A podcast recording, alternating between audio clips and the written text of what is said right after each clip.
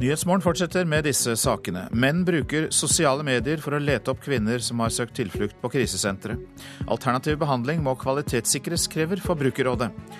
Islamister i Irak finansierer krig ved å plyndre kulturminner. Og som vi hørte i Dagsnytt, 177 syriske flyktninger har blitt sendt ut av Norge siden borgerkrigen startet i 2011, og vi skal høre hva NOAS mener om det her i Nyhetsmorgen. Krisesentrene står overfor en ny utfordring. Mange menn bruker nå sosiale medier til å true eller finne kvinner som søker hjelp på sentrene. Det sier Tove Smådal i Krisesentersekretariatet. Over 2000 kvinner, menn og barn, bodde på norske krisesentre i fjor. Da har jeg den store glede å få lov til å erklære Romerike krisesenter for åpna. Barne-, likestillings- og inkluderingsminister Solveig Horne klipper over den røde snora. Et av de største krisesentrene her i landet har fått nytt bygg, med bedre plass. Her kan kvinner, menn eller barn som har opplevd vold, søke ly. Dette er for så vidt et sånt mellomstort rom, og så er det oppe så er det de aller aller største rommene. Men der bor det noen på alle rommene. Ja. Eh, for der er det jo faktisk plass til en voksen og fem barn. Okay. Og det er fremdeles stort behov for krisesentre her i landet. 2028 personer bodde i norske krisesenter i fjor, viser nye tall fra Barne-, ungdoms- og familiedirektoratet. Det er omtrent som året før. I tillegg var 2300 innom som dagbrukere. Ja, vold og overgrep mot både kvinner og barn og menn er ikke bare et samfunnsproblem, men et folkehelseproblem. Og det er et problem som vi alle er nødt til å ikke snakke, altså som vi må på en måte snakke om, så det ikke lenger blir tabu. Men det er altså et problem for at vi ser at det veldig mange sliter når du blir utsatt for et vold og overgrep, og psykisk. Sier Horne. Tove Smådal, leder for Krisesentersekretariatet, er bekymra for at tallene ikke går ned. Samtidig så har vi kanskje senka terskelen for å ta kontakt med et krisesenter. Hun forteller at sosiale medier, t.d. Facebook, skaper nye utfordringer. At det blir brukt som et verktøy for å true, trakassere eller finne personer som har måttet søke hjelp hos krisesentra. En ting er at uh, en del av de voldsutsatte blir trakassert på Facebook. Men også i forhold til kvinner som prøver å gjemme seg, uh, må leve på kode seks eller sju. Altså uh, det der å forstå viktigheten av å måtte forsvinne. Så sosiale medier har gitt eh, både krisesentrene og de utsatte en del utfordringer. Å få alle til å forstå at det er, eh, kan være farlig å være aktiv på sosiale medier, som medfører at en overgriper eh, fortsetter å true og vil finne den personen eh, de ønsker å finne. Denne reportasjen var laget av Eirin Årdal. 177 syriske flyktninger har blitt sendt ut av Norge siden borgerkrigen startet i 2011. Det er en grotesk praksis, mener menneskerettighetsorganisasjonen Amnesty. Sammen med Norsk Folkehjelp og NOAS krever de at Norge stanser utsendelse av syrere til eh, første europeiske land de kom til. I uh, need help and uh, safety and peace for me and for my child because I ran away from war in Syria. Men alenemoren Eman, som flyktet fra bombene utenfor Damaskus, har ennå ikke funnet trygghet og hjelp til seg og sine to barn. Hun ble først registrert som asylsøker i Italia, og derfor kaster norske myndigheter henne ut av Norge. Jeg syns det er uhyre pinlig det sier rådgiver i Amnesty Beate Ekeløve Slydal. 177 syriske flyktninger har blitt sendt ut fra Norge og tilbake til det første landet i Europa hvor de ble registrert som asylsøkere.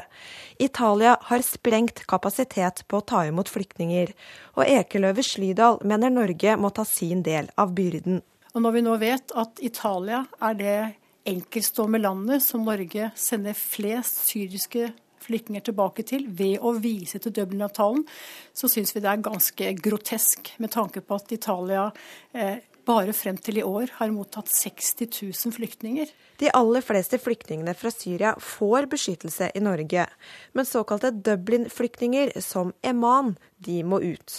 Det vil Amnesty i samarbeid med Norsk organisasjon for asylsøkere og Norsk Folkehjelp ha slutt på. Dublin-regelverket har uh, veldig lite muligheter for unntak, uh, men vi kan gjøre unntak i enkelte tilfeller.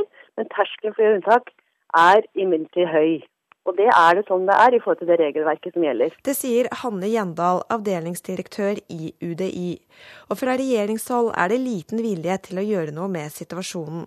Statssekretær i Justisdepartementet Himanshu Gulati fra Fremskrittspartiet mener Dublin-avtalen er viktigere enn noen gang.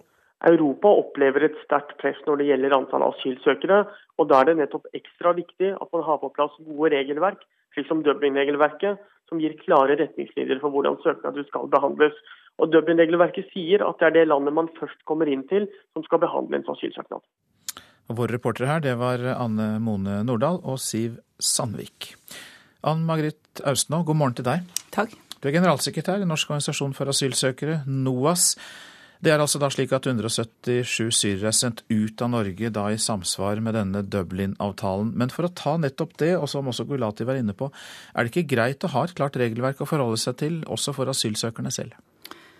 Jo, regelverket er greit, men geografi eh, vil da gjøre at eh, veldig mange, det store flertallet, kommer til noen få land. Fordi at transportrutene i hovedsak er gjennom Tyrkia og da inn til Hellas, men der har systemet brutt sammen, så Bulgaria er neste land. Eller over Middelhavet, hvor Malta og Italia står for eh, å ta imot de aller fleste. Og det er jo da heller ikke rimelig. Men alternativet til Dublin-avtalen er vel et kaos der asylsøkerne kan shoppe opphold i de land de tror det er enklest å komme til? Eller så kan man eh, gå inn og forbedre Dublin-systemet og få til eh, en langt mer reell byrdedeling. Eh, og man kunne jo i hvert fall starte med å ta vare på de traumatiserte barn og barnefamilier som kommer til det enkelte land når en har situasjoner som, som Syria. Og, og, også kommer det mange eritreere til Europa nå. Og det er mennesker som vi vet gjennomgående har et beskyttelsesgrunn. Så her mener du og NOAS at vi skal gjøre minst to ting, nemlig likevel å ta imot eh, de som eh, er eh, kommet selv om de startet sitt opphold i Europa i et annet land, og i tillegg reformere Dublin-avtalen. Og det er jo litt interessant å høre hva dere kan tenke dere som et alternativ til den avtalen.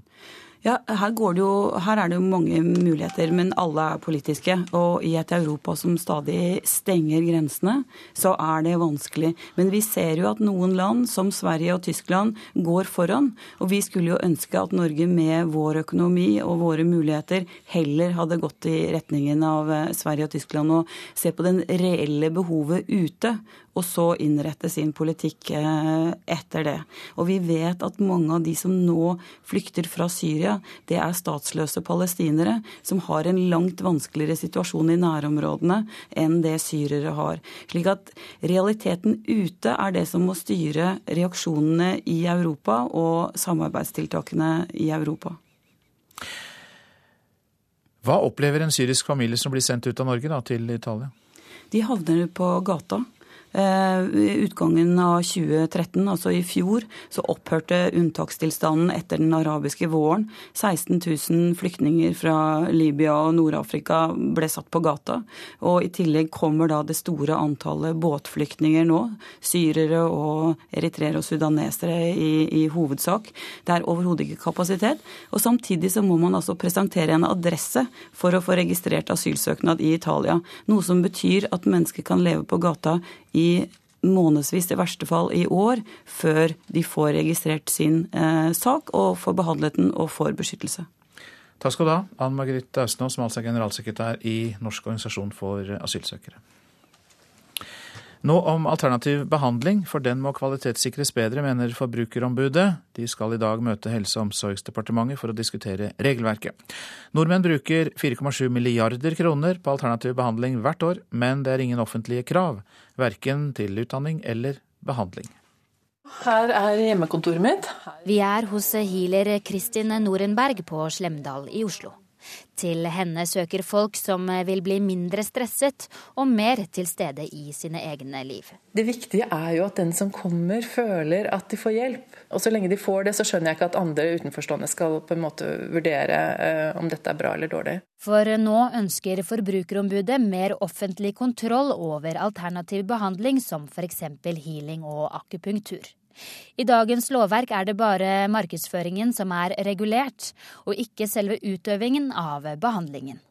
Det synes Gry Nergård fra Forbrukerombudet er bekymringsfullt. Vi vet liksom ingenting om hva det er vi velger. For det er ingen, eh, ingen krav til utdanning som sagt, og ingen som fører tilsyn med de. Og Da syns vi at det valget som forbrukerne overlates til å gjøre, ikke er trygt nok. Forbrukerombudet mener utdanning og tilsyn med behandlingen bør være et eh, krav.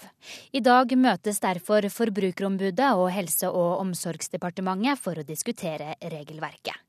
Men hvem som skal føre tilsynet og hvordan dette skal bli gjort, har Forbrukerombudet ennå ikke gjort seg noen tanker om. Ja, Vi har mange spørsmål vi nå. Og det som vi ønsker er at Departementet skal sette ned et utvalg som kan se på den lovgivninga vi har i dag, og som kan bidra til å gi oss den type svar. Jeg forstår jo at de gjerne vil ha tilsyn, men problemet er jo hvordan skal de utøve det. Det sier healer Kristin Norenberg. En ting er jo å ha det gjennom en eh, fagorganisasjon, en annen ting er jo å ha det gjennom en offentlig tilsynsordning. For da må jo det offentlige bygge opp eh, kompetanse på alle mulige alternative grener. Og det fins, jeg vet ikke hvor mange det fins, men sikkert over 100. Så, så det vil jo være en ganske umulig oppgave, sånn som jeg ser det. Reporter her, det var Sunniva Ottersen Bærug. I dag kan Torbjørn Jagland bli gjenvalgt som generalsekretær i Europarådet. Men utfordreren er tysk og har Angela Merkel i ryggen. Det er snart fem år siden Jagland ble valgt til dette internasjonale vervet. This is really a moving moment for me. I believe in Europe. Takketalen for fem år siden. Torbjørn Jagland hadde vunnet med to tredels støtte over sin polske motkandidat. Men han var usikker inntil det siste. Det er jo fullstendig uforutsigbart, for det er så veldig mange faktorer som vi ikke kan ha kontroll over. F.eks. hvem er det som kommer for å stemme, hvem er det som ikke kommer. Den gang som nå hadde han støtte fra flertallet av regjeringene i de 47 medlemsstatene. Usikkerheten lå i at det ikke er regjeringene som avgjør, men de 300 stemmeberettigede i parlamentarikerforsamlingen. Ja, Da får jeg si 50-50. Kanskje litt mer i min favør. Europarådet skal forsvare menneskerettigheter og demokrati i medlemsstatene. Menneskerettighetsdomstolen i Strasbourg er kanskje den som er mest kjent her hjemme. Da Jagland tiltrådte i 2009, lå 150 saker og ventet på behandling. Nå, etter at prosedyrene for klagebehandling er endret, er de nesten à jour. Men hans eh, tyske motkandidat mener han er for lite tydelig i å kritisere brudd på menneskerettigheter i land som Tyrkia, Russland og Aserbajdsjan. Sabine Leuthäuser Schnarrenberge sier hun vil være klarere i sin kritikk. Hun er tidligere justisminister, har vært politiker i 23 år og er Jaglands motkandidat. Tyskerne har satt inn et voldsomt apparat for å få henne valgt. Da Jagland var kandidat for fem år siden, var et argument fra Polen at de hadde få internasjonale stillinger. Og Jagland svarte slik på det. Ja, det har også vi. Norge har veldig få eh, internasjonale posisjoner. Nå har Jens Stoltenberg blitt utnevnt til Natos neste toppsjef, med Tysklands støtte. Valgforsker Frank Aarebrot sa til NRK tidligere i år at Torbjørn Jaglands sjanser til gjenvalg derfor var svekket. Norge nærmest skyldte Tyskland en gjentjeneste, trodde han. Likevel sa Jagland senest søndag til NRK at han mener at han ligger godt an. Jeg tror mulighetene er ganske gode, og at de har økt eh, i den siste tiden. Og det var eh, Åse Marit Befring, vår eh, europakorrespondent, som var reporter her. Dette er Nyhetsmorgen, og klokka den går mot 7.17. Dette er eh, hovedsaker. 177 syriske flyktninger har blitt sendt ut av Norge til et annet europeisk land siden borgerkrigen startet i 2011. Som vi har hørt, Amnesty og NOAS krever at det blir gjort unntak for uh, syrerne. Sosiale medier brukes av menn for å lete opp kvinner som har søkt tilflukt på krisesentrene. Og eh, en viktig separatistgruppe i Øst-Ukraina har snudd og støtter nå president Petro Petrosjenkos tilbud om våpenhvile. Plyndring og ulovlig salg av kulturminner har blitt en viktig inntektskilde for den islamistiske opprørsgruppa ISIL. Denne ekstreme gruppa har de siste ukene tatt kontroll over flere byer i Irak. Arkeologer beskriver plyndringene som brutale, og sier at uerstattelige verdier nå går tapt for alltid. In uh, Australia, in America.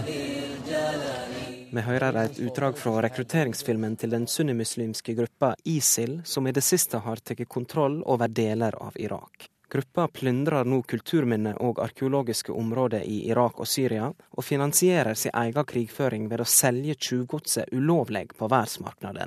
Ja, Det er jo flere grunner til det. For det første så er det jo en viktig eh, inntektskilde for dem.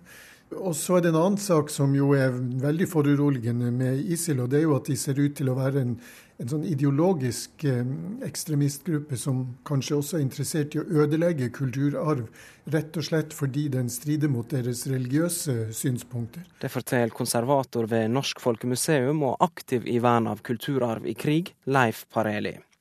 Irak og Syria ligger i området der det gamle Mesopotamia lå, ofte omtalt som menneskeætta si vogge. Området har en svært stor tettleik av kulturminner og arkeologiske funnareal, som nå er i fare. Det er dypt, så dypt tragisk at man har nesten ikke ord for dette, her, og det er uerstattelige kilder til kunnskap som går tapt. Det sier professor i arkeologi ved Universitetet i Oslo, Christopher Prescott. Han karakteriserer det som nå skjer som brutalt og irreversibelt. Det raserer våre muligheter for, å, for, for eh, kunnskapsproduksjon vi kommer aldri til å kunne erstatte den kunnskapen som er uh, tapt på denne måten her. Og man har knapt skrapt i, skrapt i overflaten når det gjelder eh, å få vite hva som har skjedd. Det er viktige spørsmål om vår artshistorie. Det kommer vi, med den plyndringen kommer vi i mindre og mindre grad noensinne til å få svar på. Og det er ikke første gang at terrororganisasjoner og opprørsgrupper plyndrer og ødelegger kulturminner.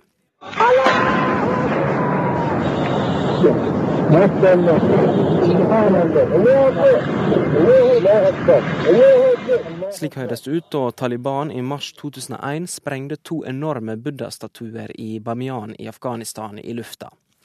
Heller ikke Irak er skåna. I april 2003 ble mer enn 3000 gjenstander borte under plyndringa av Nasjonalmuseet i Bagdad. Leif Pareli mener bare kjøperne kan hindre at dette skjer igjen. Vi kan selvfølgelig ikke mm, få slutt på krigen på noen måte, men det vi kan gjøre noe med, det er den ulovlige handelen med kulturarv. Fordi, For å si det veldig kort, så er det slik at hvis det ikke var noen kjøpere, så ville det heller ikke være noen grunn til å spa ut og, og plyndre for å, for å skaffe ting til den ulovlige handelen. Vi skal ikke lenger enn til våre naboland før vi finner eh, store og kjente auksjonshus og antikvitets- og kunsthandler osv. Som eh, til dels har eh, blitt grepet i å selge ting som har en svært tvilsom fortid. Reportere Lars Ivar Nordahl og Runa Rød. Og mer om kulturplyndringen i Kulturnytt etter klokka åtte. Den sunnimuslimske opprørsgruppa ISIL skal nå ha tatt kontroll over Iraks største oljeraffineri, det melder BBC. Opprørerne og regjeringsstyrker har kjempet om kontrollen over raffineriet i snart to uker. Samtidig har irakiske regjeringsstyrker tatt tilbake kontrollen over en grenseovergang, al-Waled, mellom Syria og Irak. Brasil puster lettet ut etter 4-1-seieren mot Kamerun i, siste, sin siste kamp i gruppespillet i VM i går kveld, men mange brasilianere er fortsatt skeptiske til hvor godt laget deres egentlig er. Arnt Stefansen opplevde kampen på en gatekafé i Rio de Janeiro. Selv om brasilianerne er fødte optimister, er nervene i høyspenn foran TV-apparatene på en gatekafé her i Rio-bydelen Copacabana. Brasil tar ledelsen, men da Kamerun utligner, synker stemningen kraftig, og folk frykter det verste. Og selv om det står 2-1 til Brasil ved pause, er man ikke særlig fornøyd. Dette er sånn passe. Jeg synes de spiller litt svakt, sier den 55 år gamle Andrea Spilma her fra Rio. Er du overrasket, spør jeg. Nei, egentlig ikke. Laget har jo ikke vist det store i de andre kampene heller, og jeg er virkelig nervøs, sier hun.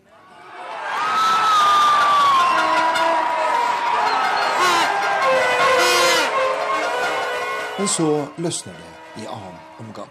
Det blir 3-1, og det blir 4-1. Og folk slipper gleden løs, som bare brasilianerne kan det.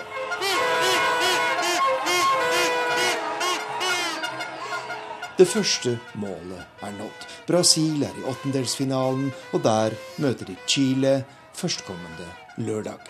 Knapt noen brasilianer tror det blir noen lett oppgave. Problemet er at Brasil bare har én virkelig stor stjerne, sier tilskueren Gilberto da Silva. Neymar er den nye Pelé, den nye Maradona. Det viste han igjen nå i kveld med to flotte skåringer. Men så ble han skadet og måtte gå av banen, og det merkes. Jeg er litt skeptisk til dette laget, og blir ikke veldig overrasket om vi taper for Chile, sier han. Hvis du lurer på hva avisene har på forsidene, så har vi noen svar nå. Det er intern strid i LO om aksjonene i norske havner, får vi vite i Klassekampen. LO-ledelsen ber bryggesjauerne stanse blokader av havner inntil arbeidsretten har sagt sitt i den bitre striden som gjelder fortrinnsrett til losse- og lastearbeid i havnene. Nytt rekordår for rekefangsten. Rekeelskerne i Nord-Norge kan bare slappe av, skriver Nordlys. Miljøorganisasjonen WWF eh, har intet å utsette på fangsten i nordlige farvann, mens den i går advarte mot fangst av sørnorske reker pga. lavere bestand og dårlig forvaltning. Ungdom leder an i antirustrend, kan vi lese i Vårt Land. Nordmenn ruser seg mindre enn før, og det er de unge som går foran i protest mot voksenkulturen, tror rusforsker. Solkremspray kan være kreftfremkallende, skriver Dagbladet. Noen solkremer på sprayboks inneholder et stoff som kan virke kreftfremkallende dersom det pustes inn. Det går fram av en rapport fra EUs vitenskapskomité for forbrukersikkerhet. 200 000 ufaglærte er uten jobb, mange av dem behersker ikke norsk, skriver Aftenposten. Høy arbeidsinnvandring og ny teknologi vil gi økt konkurranse om ufaglærte jobber, og Nav vil få dette problemet i fanget om få år. Forsker tror det blir en dårligere lønnsutvikling for ufaglærte, fordi det er så lett å ansette folk fra det europeiske arbeidsmarkedet. Oslo har dårlig luftkvalitet, sløser med vannet, skviser syklistene, og klaken presser seg på. Ja, det kan vi lese i Dagsavisen. Men hovedstaden kan likevel bli Europas grønne håp, for Oslo er favoritt til å bli kåret til europeisk miljøhovedstad i 2016. Og det kan bli en brekkstang for å få gjennomført ting, sier Venstres miljøbyråd Guri Melby til avisa. Vi skal ha mer om denne kåringen i Nyhetsmorgen straks. Mediekutt for 1 milliard er oppslaget i Dagens Næringsliv. Norske mediehus må redusere kostnadene kraftig. I Østlandsposten i Larvik er det forundring over at de må kutte sju årsverk når de har levert 100 millioner kroner i overskudd de siste fem årene. Billedserie fra festhelg for traktorer i Kirkenær i Hedmark kan vi nyte i Nasjonen i dag. Der trakk konkurransene traktorcross og traktorpulling. Tilskuere til midtsommerfest for traktorfrelste.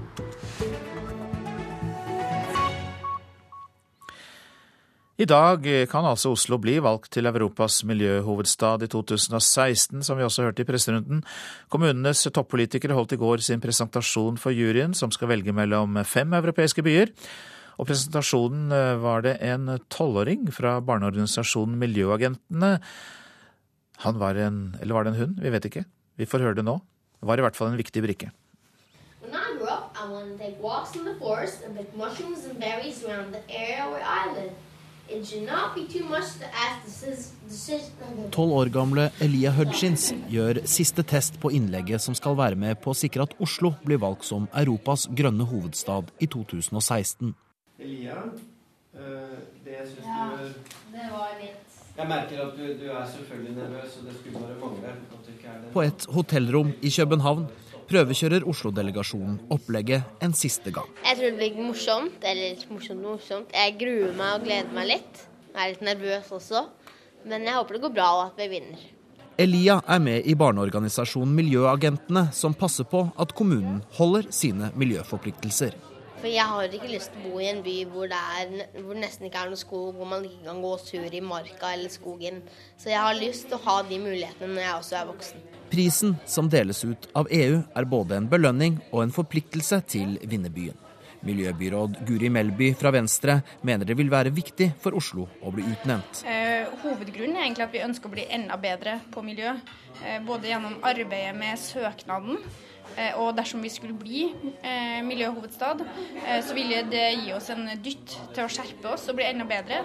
Going, going, så bærer det til konferansesalen der presentasjonen skal holdes. I venterommet blir de ønsket lykke til av representanter fra den nederlandske byen Nimegen. Ved siden av nederlenderne er den tyske byen Essen, Slovenias hovedstad Lubliana og den nordsvenske byen Umeå med i finalerunden. Det er byrådsleder Stian Berge Røsland som fronter presentasjonen. Med seg har han miljøbyråden, flere miljøorganisasjoner og Øyafestivalen på laget. Og Oslo ligger etter sigende godt an. Før presentasjon har et ekspertutvalg vurdert de ulike byenes søknader ut ifra tolv kriterier. Oslo havnet på topp i seks av dem.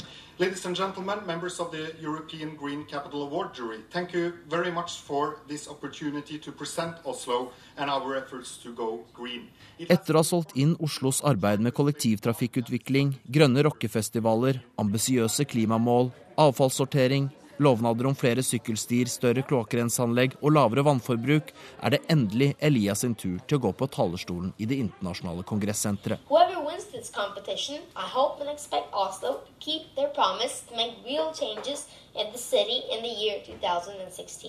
And that the eco agents could be a part of this.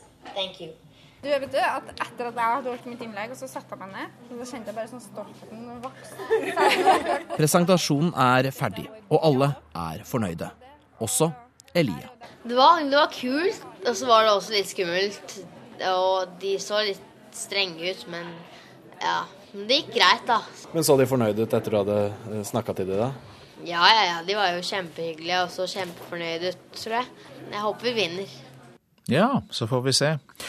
Det eh, blir klart i formiddag om eh, Oslo blir kåret til eh, Europas miljøhovedstad. Reporter i København, det var Simon Skjelbostad Yseth. Jimmy Carter lover å tale Norges sak når han besøker Kina over sommeren. Mer i reportasjen etter Dagsnytt. SV-leder Audun Lysbakken er gjest her i Nyhetsmorgen kvart på åtte og skal oppsummere stortingsåret. Produsent for Nyhetsmorgen, Marit Selmer Nederlid. Her i studio, Øystein Heggen.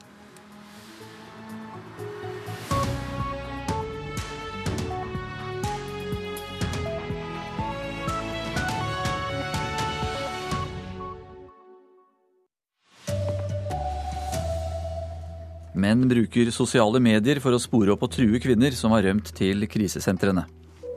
Nesten 200 syriske flyktninger er sendt ut av Norge siden borgerkrigen startet. Grotesk praksis, mener Amnesty. Og Brasil puster lettet ut etter å ha gått videre fra gruppespillet i fotball-VM. Her er NRK Dagsnytt, klokka er 7.30. Krisesentrene står overfor en ny utfordring. Mange menn bruker nå sosiale medier til å true eller finne kvinnene som søker hjelp på sentrene. Det sier Tove Smådal i Krisesentersekretariatet. Ferske tall viser at over 2000 kvinner, menn og barn bodde på norske krisesentre i fjor. Da har jeg den store glede å få lov til å erklære Romerike krisesenter for åpna. Barne-, likestillings- og inkluderingsminister Solveig Horne klipper over den røde snora. Et av de største krisesentrene her i landet har fått nytt bygg med bedre plass. Her kan kvinner, menn eller barn som har opplevd vold, søke ly. Dette er for så vidt et sånt mellomstort rom, og så er det oppe så er det de aller aller største rommene. Men der bor det noen på alle rommene. Ja. Eh, for der er det jo faktisk plass til en voksen og fem barn. Okay. Og det er fremdeles stort behov for krisesentre her i landet. 2028 personer bodde i norske krisesenter i fjor, viser nye tall fra Barne-, ungdoms- og familiedirektoratet. Det er omtrent som året før. I tillegg var 2300 innom som dagbrukere. Ja, vold og overgrep mot både kvinner og barn og menn er ikke bare et samfunnsproblem, men et folkehelseproblem. Og det er et problem som vi alle er nødt til å ikke snakke altså som vi må på en måte snakke om, så det ikke lenger blir tabu. Men det er altså et problem for at vi ser at det er veldig mange sliter når du blir utsatt for vold og overgrep, og psykisk. Sier Horne. Tove Smådal, leder for Krisesentersekretariatet, er bekymra for at tallene ikke går ned. Samtidig så har vi kanskje senka terskelen for å ta kontakt med et krisesenter. Hun forteller at sosiale medier, t.d. Facebook, skaper nye utfordringer. At det blir brukt som et verktøy for å true, trakassere eller finne personer som har måttet søke hjelp hos krisesentra. En ting er at uh, en del av de voldsutsatte blir trakassert på Facebook.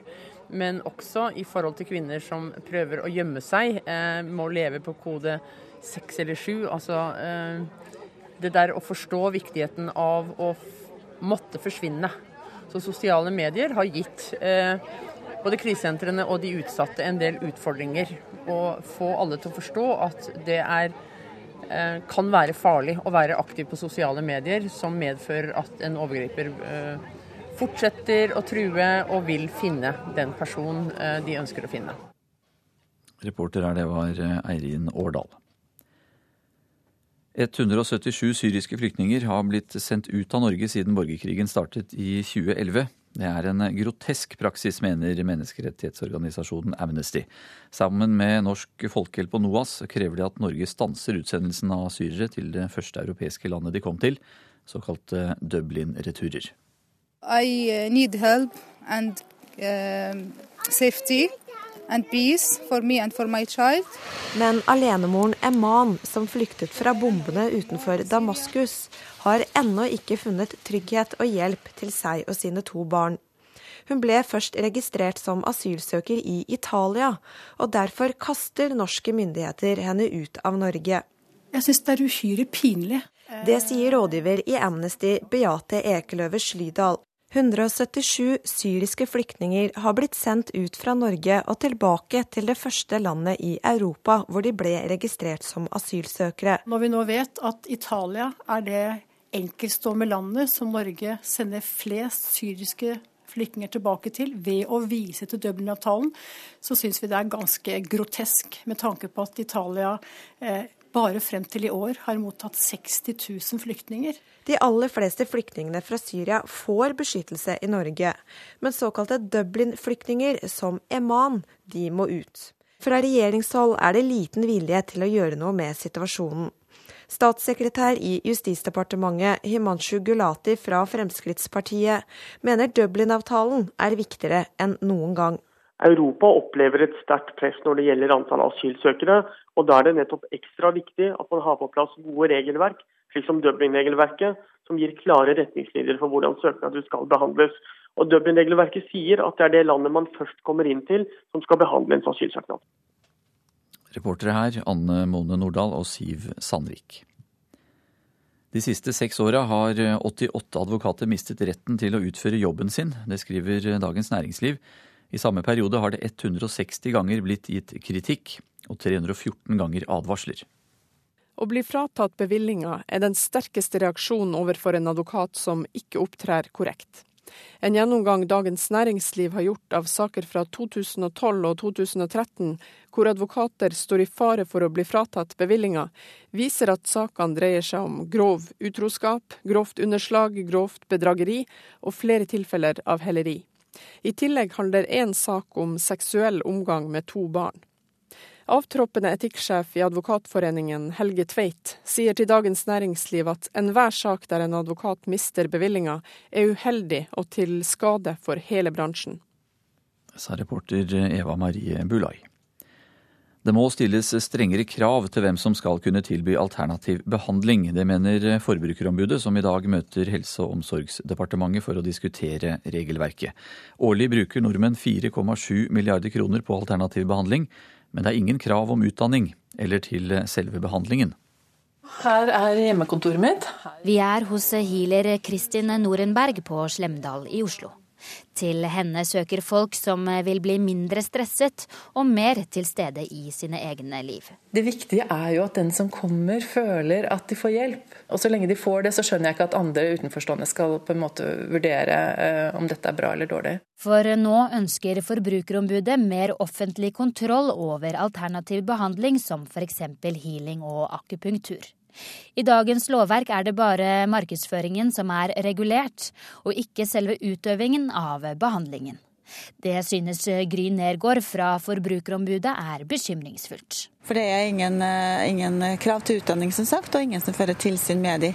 Og da syns vi at det valget som forbrukerne overlates til å gjøre, ikke er trygt nok. Forbrukerombudet mener utdanning og tilsyn med behandlingen bør være et eh, krav.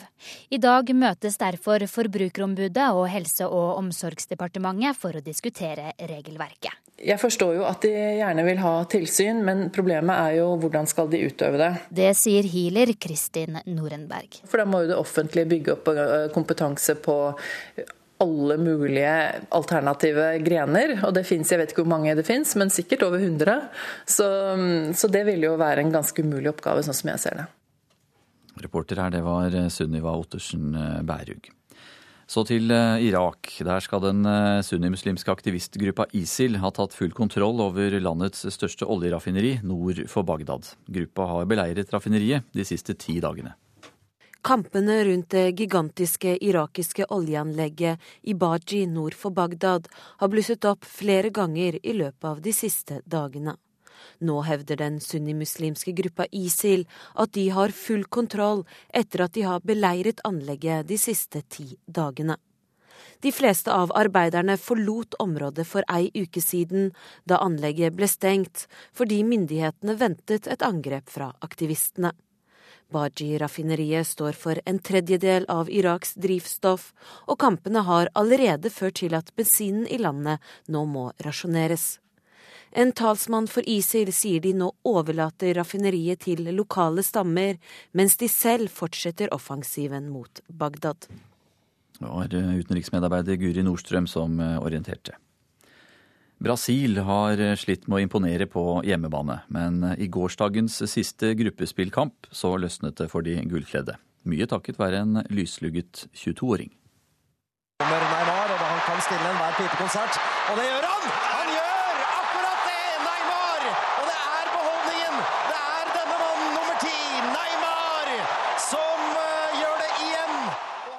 Han er bare 22 år, men Neymar er også blant de aller beste fotballspillerne i verden. I går skåret han to ganger på 18 minutter, og var en viktig grunn til at Brasil slo Kamerun 4-1.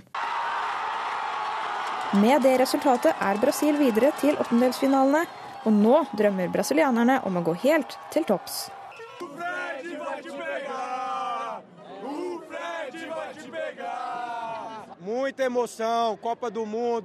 Hvor langt Brasil kommer i mesterskapet, gjenstår å se. Neymar lover i hvert fall å hjelpe lagkameratene med både mål og hard jobbing de resterende kampene. Ja, Så får vi se da om eh, Neymar eh, innfrir også i åttedelsfinalen førstkommende lørdag, der Brasil møter Chile. Reporter her, det var Line Fosser Fugt. Ansvarlig for Dagsnytt i dag, Gro Arneberg. Frode Thorshaug har det tekniske ansvaret. Jeg heter Anders Borgen Werring.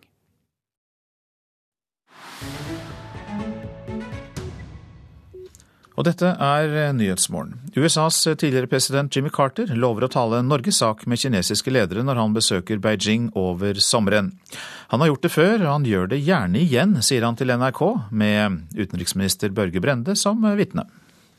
By the way, I'll promise here in the presence of the Minister Foreign Affairs that when I meet with Xi Jinping, I'll bring Norway up with him and encourage him one more time uh, to uh, have normal relationships with what I think is Den snart 90 år gamle statsmannen har besøkt Norge, og han vil oppfordre kineserne, sier han, til å normalisere forholdet til det som etter Jimmy Carters mening er en av verdens aller beste regjeringer. Og det er ikke første gang det skjer. Han har møtt president Xi Jinping fire ganger tidligere, og har da forklart den kinesiske presidenten at den norske regjeringen ikke har noe med utvelgelse av fredsprisvinnere å gjøre.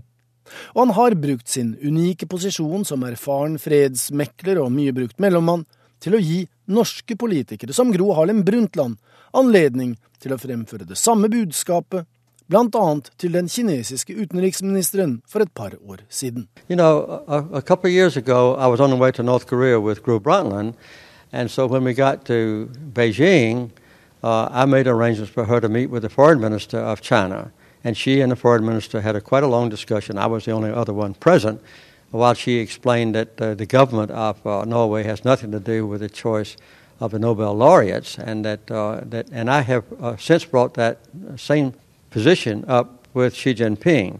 etter at hans forgjenger Richard Nixon hadde åpnet dørene til Folkerepublikken, var det president Jimmy Carter som i 1979 normaliserte de diplomatiske forbindelsene mellom Washington og Peking, som vi sa den gang. Det har gitt ham en helt unik tilgang til det kinesiske lederskapet, og disse personlige båndene har kommet godt med. Den unge marineoffiseren Jimmy Carter besøkte Kina første gang i 1949, og Deng Xiaoping pleide å minne ham om at Folkerepublikken så dagens lys på Carters 25-årsdag, et sammentreff fredsprisvinneren har hatt mye diplomatisk glede av på sine årlige besøk i Kina. I, I visited China when I was a very young submarine officer in 1949. And that's one of the main uh, personal relationships that I had with uh, Deng Xiaoping when I decided to normalize diplomatic relations. We had very secret uh, talks. And one of the things that he always brought up was that uh, the People's Republic of China was born on my 25th birthday. October 1st, 1949. so uh, I think just that connection with me visiting China uh, back in those very vital days for the Chinese uh, history uh, was a personal kind of thing that helped us to reach an agreement. President Carter minnes med en viss gru av mange amerikanere. Han overtok et politisk konkursbo som den første folkevalgte presidenten etter at president Nixon trakk seg i vanære pga. Watergate-skandalen. Carter fikk den utakknemlige oppgaven med å normalisere og gjenreise amerikanernes tillit til Det hvite hus. Men mange mente at den nøysomme peanøttfarmeren fra Georgia tvert imot trivialiserte verdens mektigste embete, og han ble ikke gjenvalgt. Men ingen annen amerikansk president har levd så lenge som eks-president som fredsprisvinneren fra 2002, og brukt pensjonstiden så konstruktivt i verdensfredens tjeneste. Det er derfor en mann med betydelig internasjonal tyngde som nok en gang bistår et vennligsinnet land i en vanskelig sak. Vår reporter her, det var Joar Hoel Larsen som vi hørte der, og Anders Tvegård. Dette er Nyhetsmorgen, og vi har disse hovedsakene. 177 syriske flyktninger har blitt sendt ut av Norge til et annet europeisk land siden borgerkrigen startet i 2011. Grotesk, mener Amnesty. Sosiale medier brukes av menn for å lete opp kvinner som har søkt tilflukt på krisesentrene. Alternativ behandling må kvalitetssikres, krever Forbrukerrådet. Og en viktig separatistgruppe øst i Ukraina har snudd og støtter nå president Petro Porosjenkos tilbud om våpenhvile. I dag oppsummerer SV stortingsåret. Velkommen til Nyhetsmorgen, partileder Audun Lysbakken. Tusen takk. De siste meningsmålingene ja, Vi starter med det vanskelige aller først. Eh, som Dagbladet hadde, der var Miljøpartiet De Grønne større enn SV. Dere fikk bare 3,1% Hva skal du gjøre? Altså, snittet på målingene går litt opp og ned, men uh, situasjonen vår har jo vært at vi har ligget et sted rundt sperregrensen. Uh, heldigvis over i valg de siste tre årene. Det visste jeg når jeg tok over som partileder, og det er ingen som er fornøyd med det i SV. Men vi har stor tro på det vi driver med, fordi vi slåss for verdier og for mennesker som uh, mange andre er eh, enig med oss i. Eh, det handler om kampen for en mer aktiv klimapolitikk. Det handler om kampen for sterke fellesskap mot privatisering. Vi er det eneste partiet i norsk politikk som både er rødt for rettferdighet og grønt for miljø. Og det er en kombinasjon som jeg tror det er potensialet for. Så så lenge vi har tro på og brenner for det vi driver med, så tror vi også at målingene vil snu etter hvert. Men du har vel tenkt på hva Miljøpartiet har som dere ikke har? Så jeg er veldig glad for at det har kommet flere partier i norsk politikk som er opptatt av miljø. Eh, og jeg eh, driver ikke og leser meningsmålinger eh, for å konkurrere med Miljøpartiet De Grønne. Min drøm er ikke først og fremst at vi skal være større enn De Grønne. Jeg har lyst til å være større enn Fremskrittspartiet, jeg. Det er litt et stykke fram, fram dit. Men at det kommer flere politikere som stort sett stemmer sammen med oss i saker, det er ikke noe problem. Jeg tror det er plass til både oss og De Grønne i norsk politikk. Utfordringen er jo at det på Stortinget i dag er altfor få som er opptatt av rettferdighet, av fellesskap og av miljø. Så vi skal ikke bruke tid nå på å slåss med de partiene som er enige med oss. Vi skal bruke tid på å være den tøffeste motpolen til den høyreregjeringen vi har fått. Og det syns jeg SV har lykkes ganske godt med denne våren.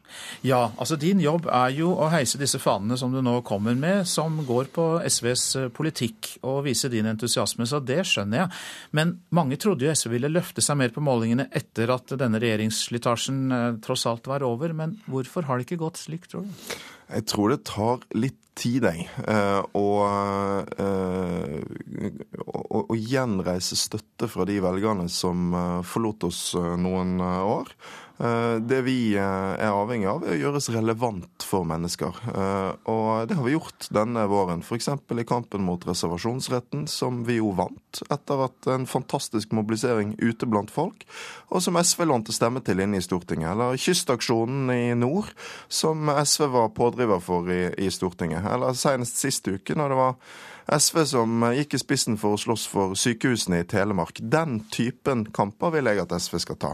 Og Gjør vi det, så tror jeg vi vil vise mange mennesker i Norge at det er behov for en kraft til venstre i norsk politikk. Og så tror jeg at nå etter hvert så vil folk se hva det er den nye regjeringen vil gjøre med Norge. Bare de siste ukene har vi fått forslag om ny arbeidsmiljølov, om eh, for innenfor sykehusene, og mot det så vil det komme en verdimobilisering.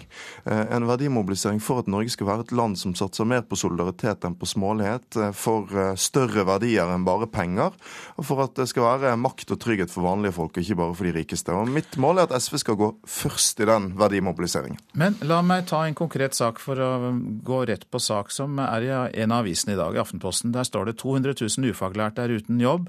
Mange behersker ikke norsk. Dette blir et enda større problem for Nav etter hvert. Bare for å ta det helt konkrete problemet.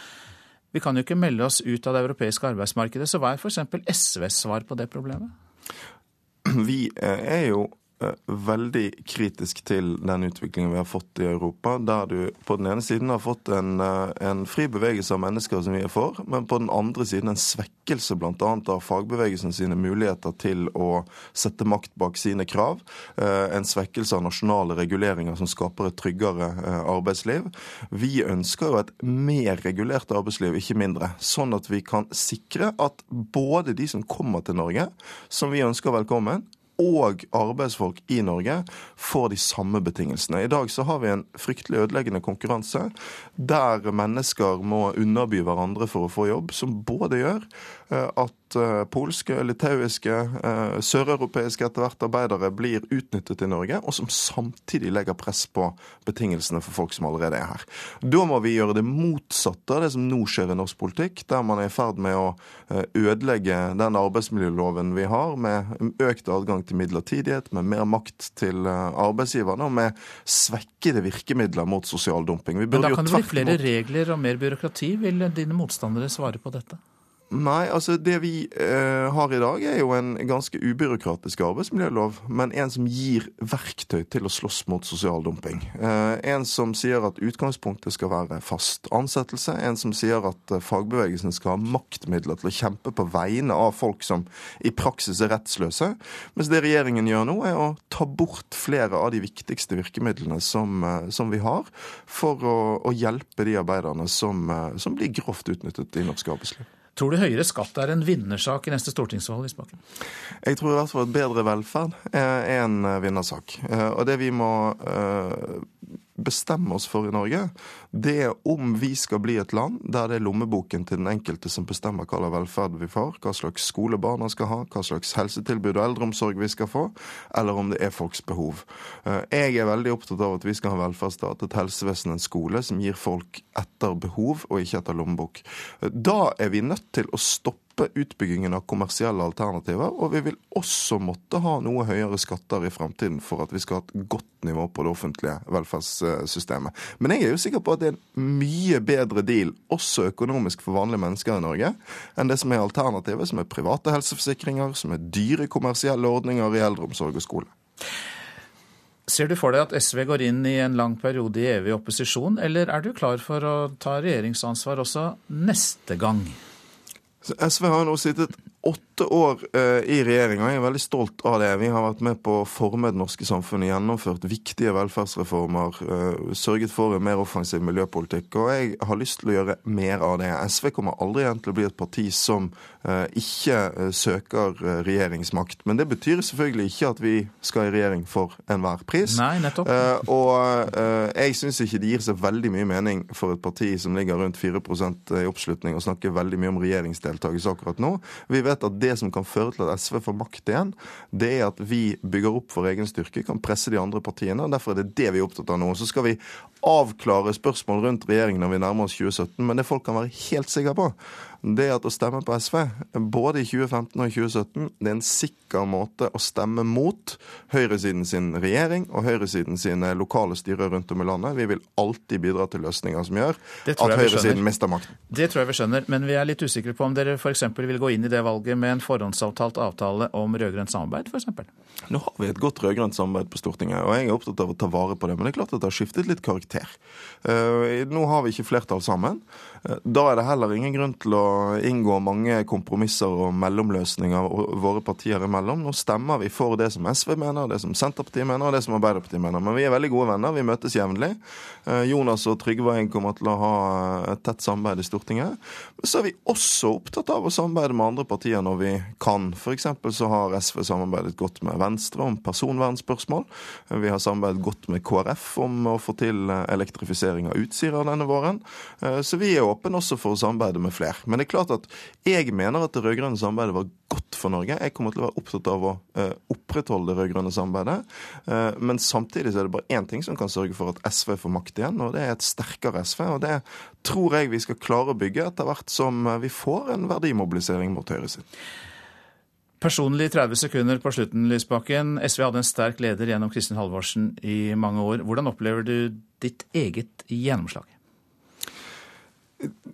Jeg eh, opplever at uh, vi selvfølgelig har mindre direkte politisk gjennomslag nå som vi sitter i opposisjon. Men deg, deg personlig føler du at du har gjennomslag i partiet? Ja, det gjør jeg. Jeg føler at jeg har veldig stor støtte i partiet. Og det er en velsignelse å få lov å være leder for et parti som står så samlet som det SV gjør nå. Det har ikke alltid vært en selvfølge i SV sin historie. Og det er jo en av grunnene til at jeg er veldig sikker på at vi skal klare å snu dette over tid. Vi er ett lag som vil til samme sted, og som jobber veldig hardt for å få det til. Så nå skal vi kombinere stor utålmodighet på vegne av det vi slåss for, miljø og rettferdighet, med en viss tålmodighet når det gjelder å vente på at målingene snur. Da runder vi av der. Partileder SV Audun Lysbakken, takk skal du ha. Hvem vil du dele en kurv jordbær med? Nei, jeg spør ikke Lysbakken om det nå. Det er nemlig et av spørsmålene i sommerportrettet.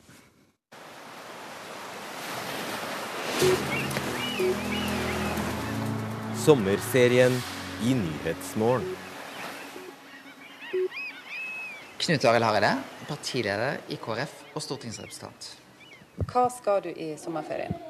Du, jeg skal være veldig mye i Norge. Være sammen med familien min. Eh, vi skal farte litt eh, rundt både til Sunnmøre og Sørlandet og Vestlandet. Um, tjener Erna Solberg for lite? Nei, jeg syns ikke det. Hun tjener 1,5 millioner kroner. Det er en god, fantastisk god lønn. Men hun har en viktig og veldig jobb der hun har et stort ansvar. Så jeg syns òg hun fortjener en god lønn, men det ligger vel der det bør ligge. Hvem andre kunne fortjent å tjene litt mer? Ja, Det eh, mener nok jeg at eh, kan være noen av de som gjør eh, en av de, de viktigste innsatsene i vårt samfunn. Jeg skal nevne to grupper. Så lærere og sykepleiere. Eksempel på jobber der en gjerne skulle tjent litt mer. Kunne du sendt dine barn på privatskole? Ja, det kunne jeg. Hvis jeg hadde opplevd at det var riktig for barna mine, så kunne jeg gjort det. Jeg tenker du vil det beste for barna dine, men jeg har nok en tanke om at de, de skal gå på en offentlig skole egentlig. Men hvis jeg hadde opplevd at situasjonen var litt spesiell, hvis det var noen som krevde det, så kunne jeg brukt en privatskole. Hva tenker du da om at kronprinsparet har valgt å eh, gjøre nettopp det? Ja, De har jo sagt at dette har vært et vanskelig valg for dem. Eh, jeg forstår at de velger det beste for, for barna sine. Eh, og jeg har ikke noe imot i seg sjøl at de velger en privatskole. Eh, men jeg syns nok signalet om å velge en så dyr privatskole har vært litt uheldig. Hva statsråd synes du har gjort det best i Høyre-Frp-regjeringa? Jeg synes det er mange som har gjort det godt. Hvis jeg skal nevne én, så vil jeg si det er statsminister Erna Solberg. Hun har leda laget. Hun har en måte å opptre på som gir respekt. Hun fremhever ikke nødvendigvis seg sjøl, hun er en god lagleder. Og jeg syns hun har formidla både verdiene hun står for, og de konkrete sakene på en veldig god måte. Hvem er det som du ikke kjenner fra før du ville delt ei korg med jordbær med? I 2004 da skulle jeg til Svalbard og treffe Hillary Clinton. Dessverre ble jeg sjuk. Fortsatt så kjenner jeg bitterheten i kroppen når jeg tenker på det. Kanskje blir hun president om noen år. Eh, så hvis jeg skulle valgt én person, så er det Hillary Clinton. Nevn en person du kunne tenkt deg å gått på nachspiel med. Ja, da tenker jeg litt på Bjørn Eidsvåg. Eh, for det første så blir det litt fart på de nachspielene som han er på. Eh, så liker jeg veldig godt musikken hans. Og han kunne Og så følger jeg han på Twitter. Kommer med mye artig der.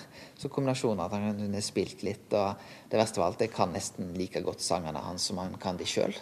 Så det tror jeg har blitt veldig hyggelig. Får du ha god sammen? Takk for det.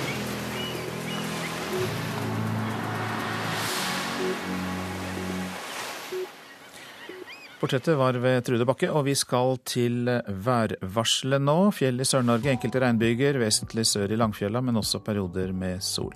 Østlandet lokale regnbyger, men også lange perioder med sol der. Telemark og Agder regnbyger, men også perioder med sol, og det er utrygt for torden. Rogaland til dels pent vær, men fra i formiddag kan det bli regnbyger. Kraftige byger lokalt i indre strøk av Rogaland. Det kan også bli torden. I kveld lettere vær igjen. Hordaland regnbyger, særlig da i indre strøk i ettermiddag, og torden kan det bli, ellers mye pent vær i Hordaland. Sogn og Fjordane og Møre og Romsdal nordøst stiv kuling ved Stad. Lokale ettermiddagsbyger i indre strøk, ellers mye pent vær. Trøndelag spredte byger, perioder med sol. Nordland, i Lofoten og Vesterålen perioder med liten kuling. Enkelte ettermiddagsbyger i indre strøk, ellers mye pent vær. Troms langs kysten i sør liten kuling, i grensestrøkene enkelte ettermiddagsbyger, ellers opphold og perioder med sol. Finnmark skyet eller delvis skyet, noen regnbyger på kysten. På vidda lettskyet, pent vær. Så går vi til Nordensjøland på Spitsbergen. Det blir delvis skyet oppholdsvær der. Temperaturer målt klokka sju. Svalbard lufthavn fem, Kirkenes tre, Vardø fire.